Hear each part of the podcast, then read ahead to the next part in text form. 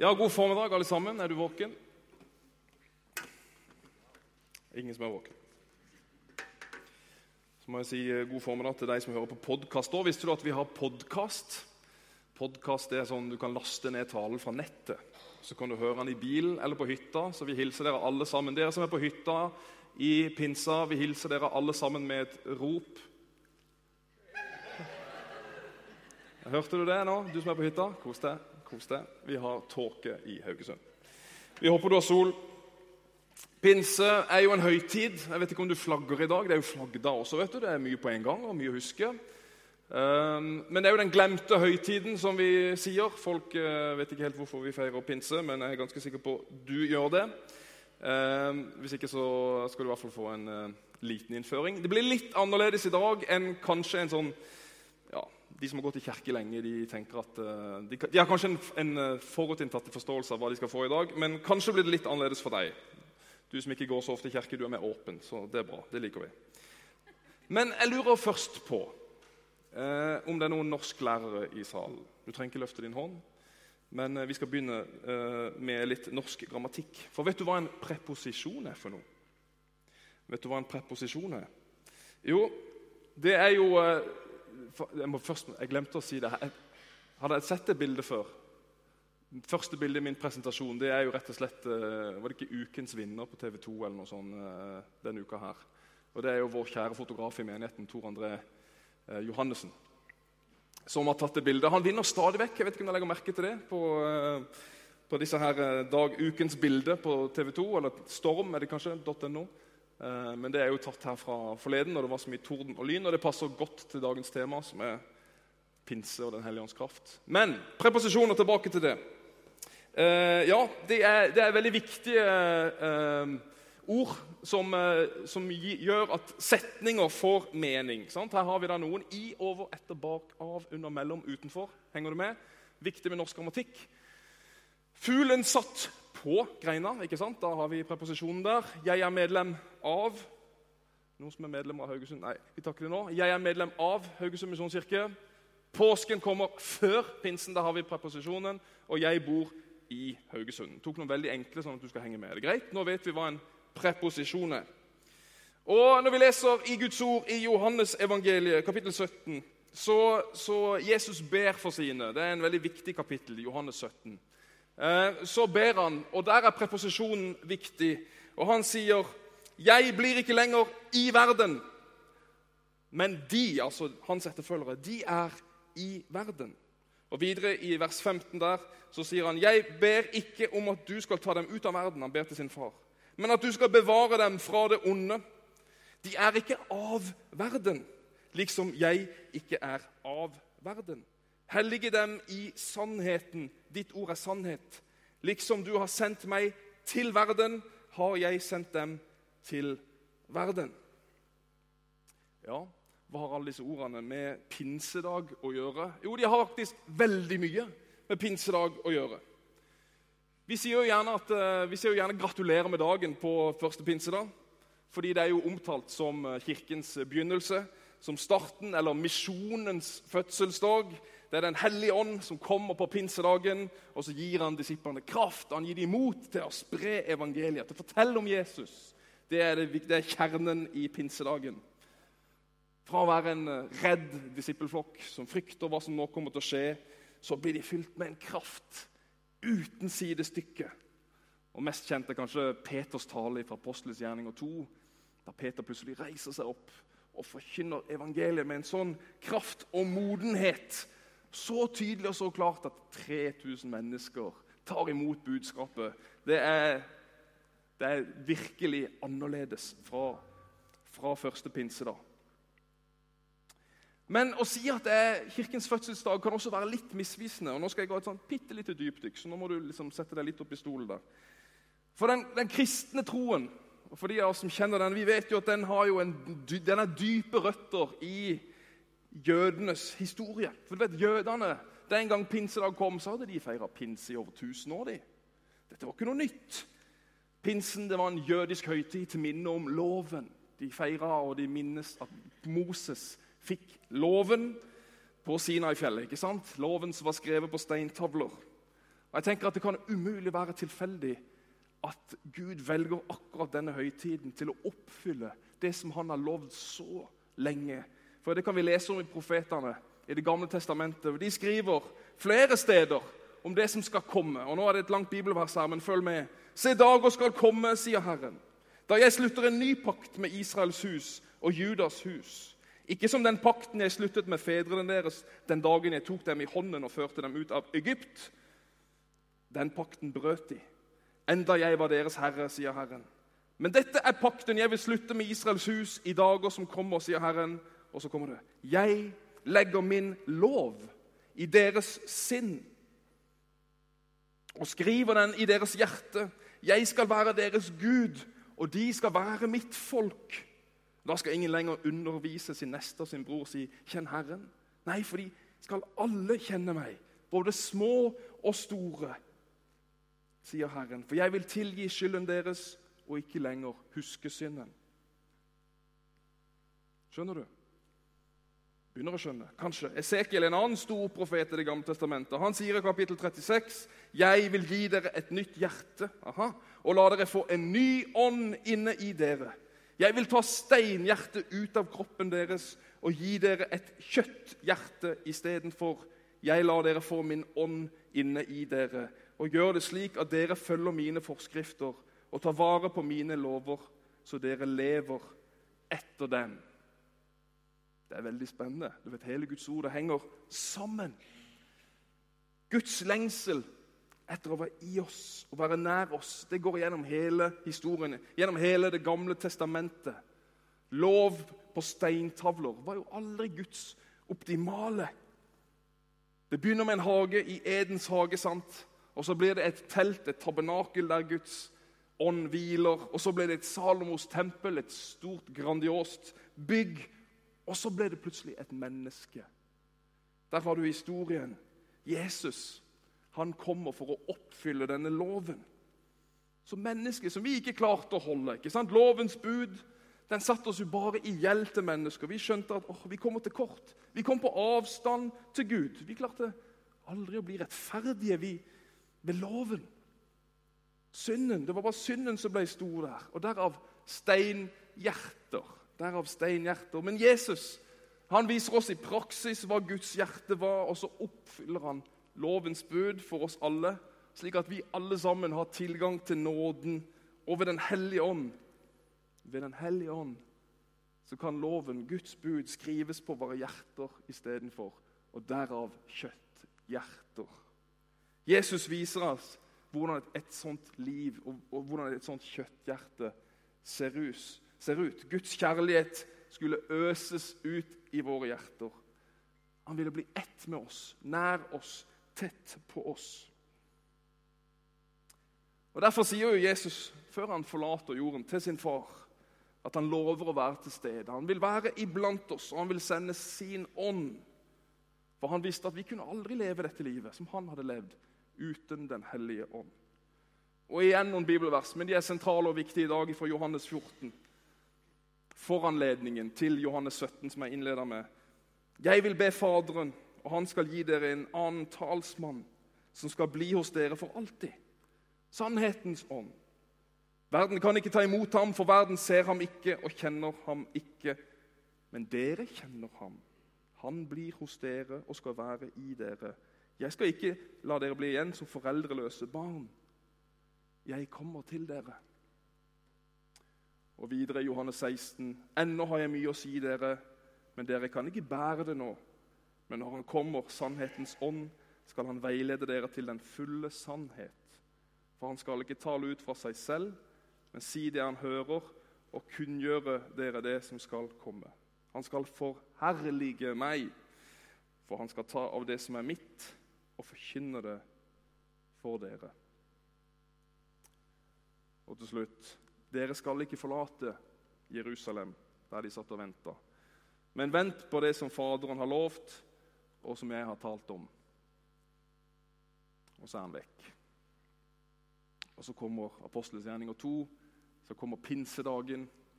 Og eh, mange av oss kjenner den. Da er disiplene samla i et rom, og så kommer det de har venta på. Guds ånd kommer som en storm. Ildtonger på hodene. Fylt av Den hellige ånd så begynner de å tale i andre tungemål. Det blir ikke nødvendigvis et sånt pinsekarismatisk internt Hellig ånd, fire-møte, men de begynner å tale på forståelige språk. Der mennesker skjønner Wow! Guds storverk. Storverket kommer ut, evangeliet kommer ut. Guds budskap sprer seg ut i denne verden. og Det er det det handler om. Pinsedag er Guds fullendelse på en måte av frelsesverket, i hvert fall på denne siden av evigheten. Jeg tenker at Det er som, det er som når bålet blir tent. Det var liksom ikke noe varme, det var ikke noe herlig for bålet. Da, nå er flammen på, nå er bålet tent. Jeg tenker at det er som når lyset går på på julegrana. Ah, wow, det er den store forskjellen. Eller hva er en fontene når den ikke er på? Når, når, når, spruten kommer i fontenen, det er jo da det er flott. Det er litt sånn det er, det ikke det? Eller for du som er glad i motorolje, det er jo når tenninga skrus på og motoren begynner å svive. Det er den store forskjellen. Sånn er det. Det utgjør hele forskjellen. Pinsedag. Og Det er dette Gud har lengta etter gjennom hele historien. Det er dette han sendte sin sønn for. Det begynner å banke inni oss, det som han har skapt oss for. Det er ikke utenfor oss, men det er en indre drivkraft. Teologen Hegertun sier hvis påsken er kirkens kjøl, så er pinsen vinden i seilene som gir den framdrift. Opplevelsen som disse disiplene hadde, den, den ga en helt ny virkelighet. Loven, som var, var på steintavler, som var ytre motivert, den ble plutselig indre motivert og er i hjertene. Og som Paulus senere tolker det, at det er en indre motivasjon. Og Det Jesus hadde sagt og gjort, det blir levende som en indre overbevisning og kraft. Og Da er vi tilbake igjen ved Johannes 17, som jeg innleda med. At vi skal være i verden, men ikke av verden. Han sender oss ut, og pinsedagen er begynnelsen på det. Og Da kommer jeg til å provosere noen av dere, så vi får ta en prat etterpå. For hvordan ser det ut å være i verden, sendt i Den hellige ånds kraft? Ja, og her er preposisjonen viktig. Vi skal være i verden, vi skal ikke være av verden. Det betyr at vi skal ikke være imot verden. Vi skal heller ikke være for verden. Vi skal heller ikke være over verden, og det skal jeg si noe om. Fordi veldig mange av oss vi er gjerne imot verden. Ja, vi skal være i verden, men vi ser det som vår oppgave å være en slags motstandsbevegelse. Fordi verden er jo så ond og farlig, og vi er jo de hellige. Derfor så tar vi ut en viss distanse fra samfunnet og dette hedningelivet, som vi gjerne kaller det. Vi lever i protest, og vi er gjerne nasjonens religiøse voktere. Og Dessverre så representerer dette store deler av vår historie. Og noe av det er jo rett og slett forkastelig, hvis du har lest den.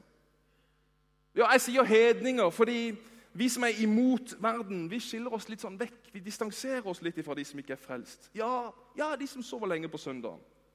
Ja, de som ikke tenker på noe annet enn fyll og sex. og ja, De er ufine i snakketøyet, og de snyter på skatten. Ja, og de røyker. Barna deres er frekke, de er uoppdragne, og de influerer våre egne barn med ja, dårlige vaner, dårlig språk, TV-spill og andre forferdeligheter. Så vi prøver å unngå de. Så får vi en sånn oss-de-mentalitet. Vi uttaler det som de der utenfor. Vi er innafor. Vi er de gode her i verden, de er de onde. De har et problem som vi har svaret på. Og så er det så viktig for mange av oss å kommunisere alt Gud har noe imot. Og Det bruker vi ganske mye energi på. er du med? Og Det er alltid noen gjengangere. Man skulle ikke tro at Bibelen handler om noe annet enn homofili. Eller at det handler om abort. Eller at det handler om skilsmisse og gjengifte. Ja, For ikke snakke om alle de røde partiene som er en trussel for samfunnet og nasjonen. Ja, for nasjonen vår det er jo en kristen nasjon, og de, og de gjør det vanskelig for oss å være kristne her i Norge. Ja, Vi hører det også i bønnene våre, for vi ber ofte imot ting, ikke for ting. Jeg møter så mange kristne som har så ekstremt mange klare meninger, og da er det spesielt på alt det de er imot. Og så er spørsmålet skulle vi noen gang være det. Var det det Jesus var? Er det mot verden Jesus vil at vi skal være? Jeg vet ikke om jeg kjenner til Simpson. Homer Simpson. Vel, han har i hvert fall en nyfrelst nabo, sies det. Maud Flanders. Og De to begynner å samtale over hekken. Og Så sier Homer Hey, I haven't seen you in a couple of weeks. Jeg har ikke sett deg på et par uker. Where have you been? Hvor har du vært? Å, oh, sier Maud muntert. I've been away at a Bible camp learning to be more judgmental. Jeg har vært på bibelcamp og lært å bli mer for, ja, fordomsfull.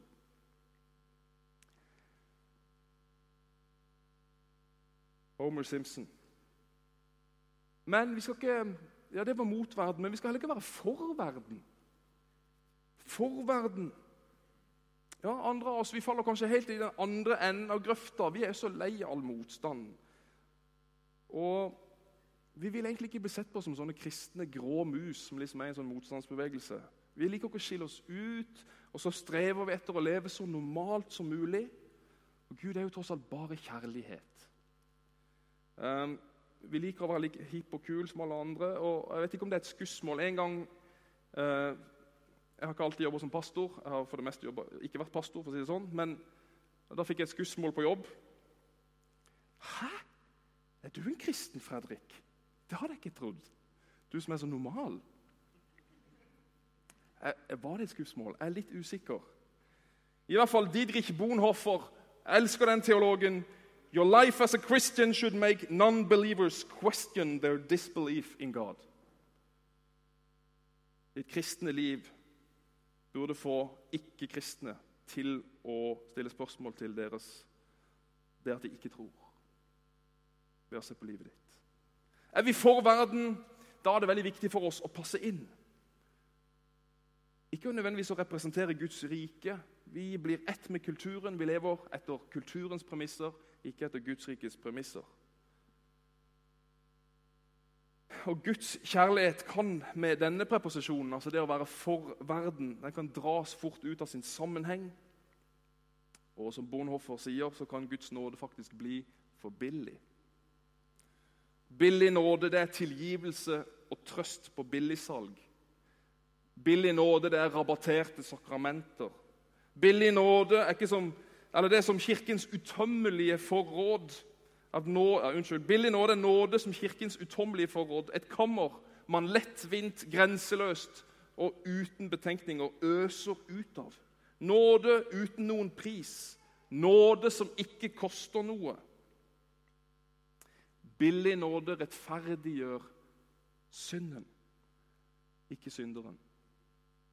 Billig nåde forkynner tilgivelse uten syndserkjennelse. Tilgivelse uten omvendelse. Billig nåde er nåde uten etterfølgelse, uten et kors. Og Vi som er for verden, vi har en tendens til å redusere korset til å handle om og det sa jeg når jeg talte her sist, om korset vi reduserer det til å handle om at uh, korset aksepterer meg som jeg er. Mens det egentlig er 'kom og dø, gi opp alt det du har og er'. Dyrnåde. Det er det evangeliet som vi stadig må søke på nytt. Gaven vi må be om. Døren vi må banke på. Den er dyr fordi den kaller oss til etterfølgelse. Den er nåde fordi den kaller oss til å følge Jesus Kristus. Den er dyr fordi den vil koste et menneske livet. Den er nåde fordi den er først er slik den gir et menneske liv. Så sender Jesus oss ut med Den hellige ånd for å være for verden. La spørsmålet henge der. Vi skal ikke heller være over verden.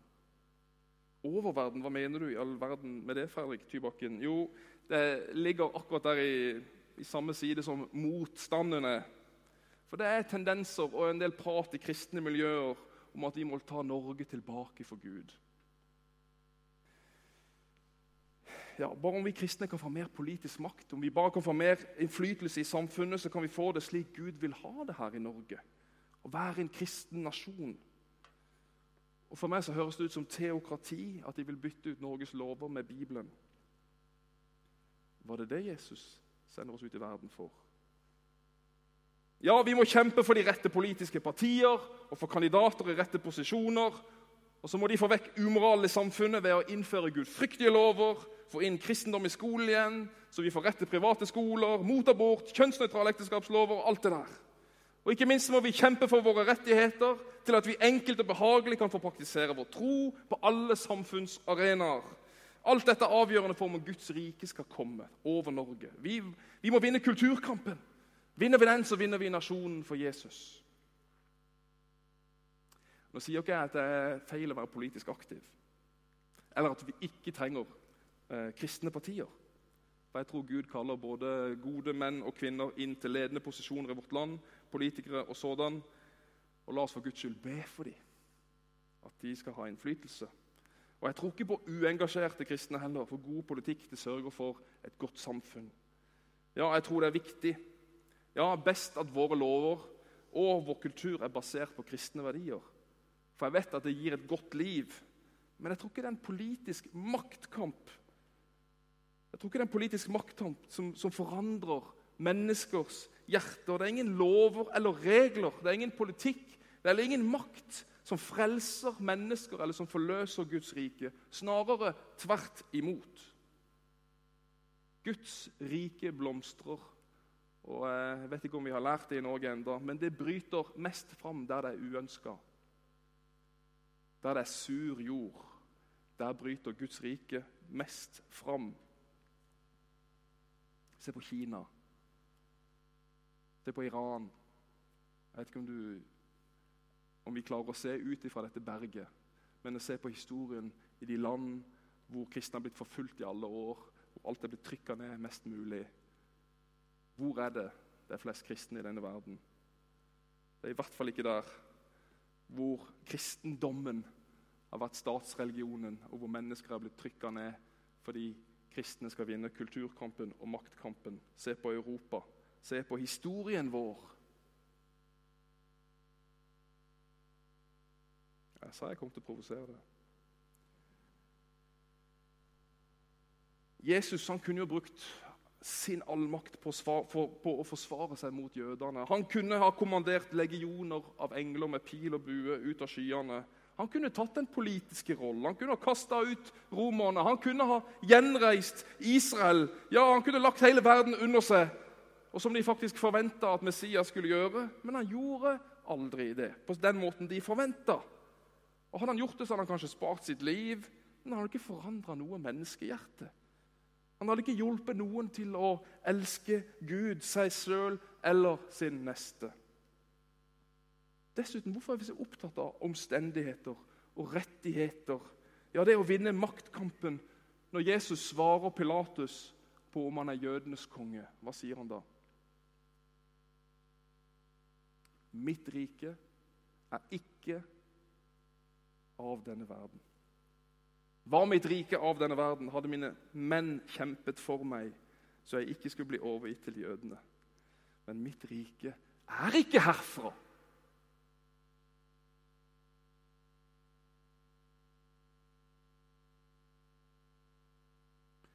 Jeg satt i Egypt med en kristen leder. Og selvfølgelig så var noe av tematikken hvor vanskelig det var å være kristen i Egypt. Og Da satt vi en gruppe nordmenn og så spør han, kan jeg få et, kan jeg få et pass. Selvfølgelig hadde vi passet. Vi er jo nordmenn, vi er jo livredde for alt. så Vi bærer jo passet med oss alt, overalt. Ja, jeg passet. Så kaster han passet ned på gulvet i ringen der vi sitter.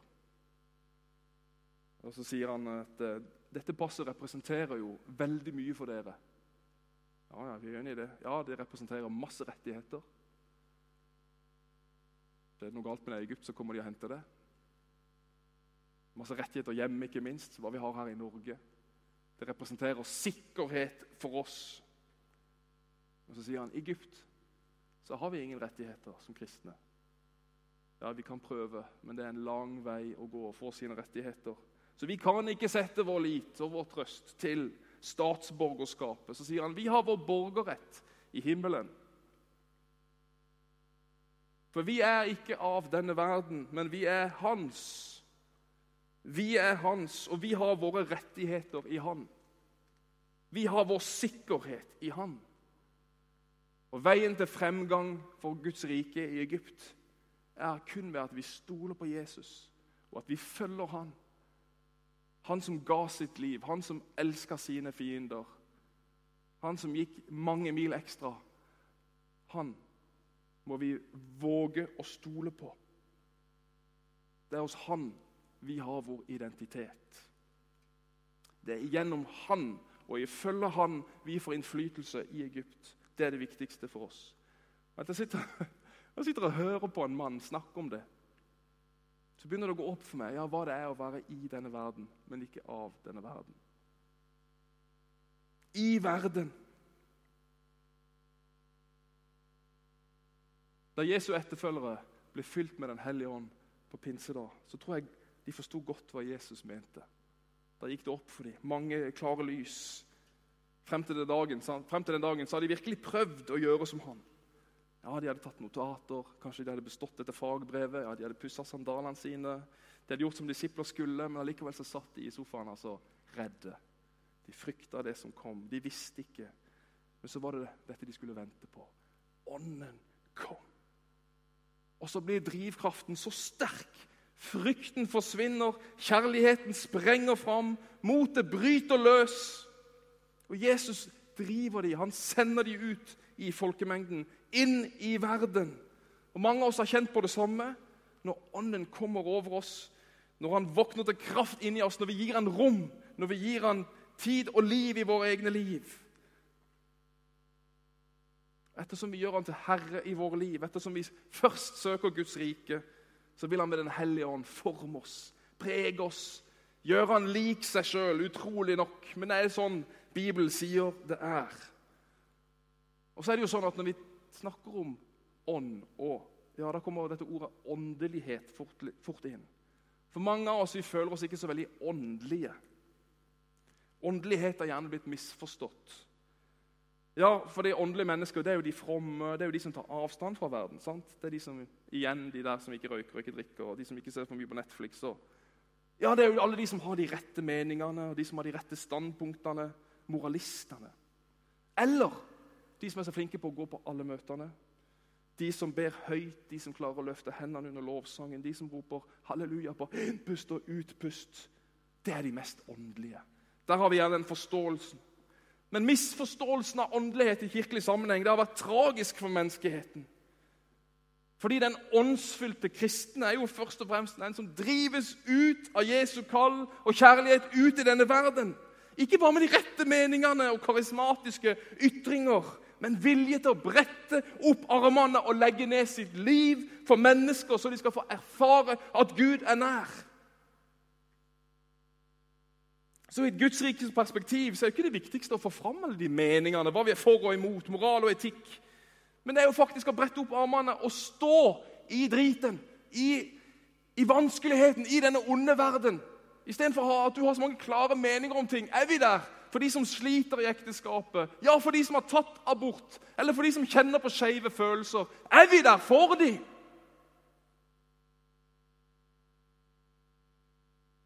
Hva vi måtte mene, er jo egentlig likegyldig, fordi det er gjerningene våre som taler høyest. Tjener vi de? Tjener vi de som er annerledes enn oss? De som mener noe annet enn oss, ja, de som tror noe annet enn oss, evner vi å elske de og sette disse menneskene høyere enn oss sjøl? Eller for den saks skyld kjenner du noen i det hele tatt?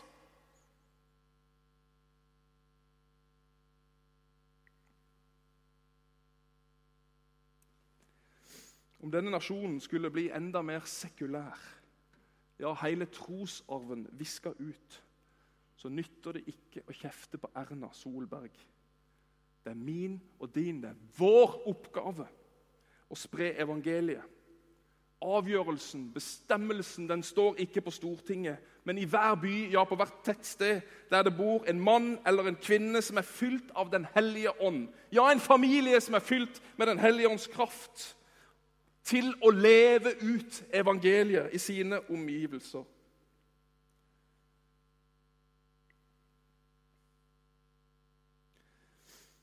Var det noe Jesus demonstrerte, og som Den hellige ånd vil lære oss, så er det å være i verden. Så levende og til stede i menneskers liv, opptatt av de fattige, tapere, de vulgære syndere, hverdagsfolket.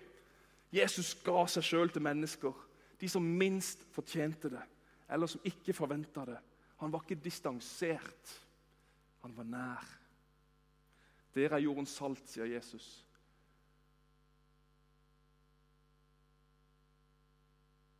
Men den grøten smaker jo ingenting hvis ikke saltet er i grøten. Om saltbøssa står ved siden av grøten, så ja vel, da har det jo ingen kraft. Det må jo være i grøten. Dere er jordens lys. Ja, da forstår vi at det er et mørke over denne jorden, og at nærværet er viktig. Hans rike vokser når vi som han kommer i kjærlighet under mennesker som, tjener, som tjenere for de som lider, og møter de som lider. Motstandsånd den har aldri gitt frukt. Og Det er ingenting som er verre enn når kristne ligger i motstand, eller at de er defensive. Det er det verste som fins. Og likeså liberal kristendom. Det er ikke noe bedre. Men hva med å stole på Jesu vei? Korsets vei. Kraften i selvoppofrende kjærlighet. Ikke det var imot alt, ikke det var for alt, men å gå enda dypere. Hm, du fnyser kanskje. Gå og lek med bamsene dine, Fredrik. Våkne opp. Ja, vent litt. Sannheten er, skal vi tro Jesus, at dette er eneste vei for å se Guds rike vokse. Å elske og tjene andre har kraften i seg, som ikke bomber eller politikk har kraft til, nemlig å endre menneskers hjerter. Og Jeg har sagt det før, og jeg liker å si det igjen at når Gud spenner sin allmektige biceps, så ser det ikke ut som Arnold Schwarzenegger, denne actionhelten, actionfiguren. Men det ser ut som Jesus som dør på et kors. Han som ga sitt liv. Og det er veien til menneskers hjerter og til denne nasjonen. Det er den eneste vei for den som vil elske Jesus og se hans rike vokse. Det er vår autoritet. Han som ga seg sjøl på korset og det siste bibelverset Mine kjære, har Gud elsket oss slik. Da skylder også vi å elske hverandre. Ingen har noen gang sett Gud. Men dersom vi elsker hverandre, blir Gud i oss, og hans kjærlighet er fullendt i oss. Er det noe vi trenger åndens kraft til i vår menighet og i Norge, så er det nettopp dette. Amen.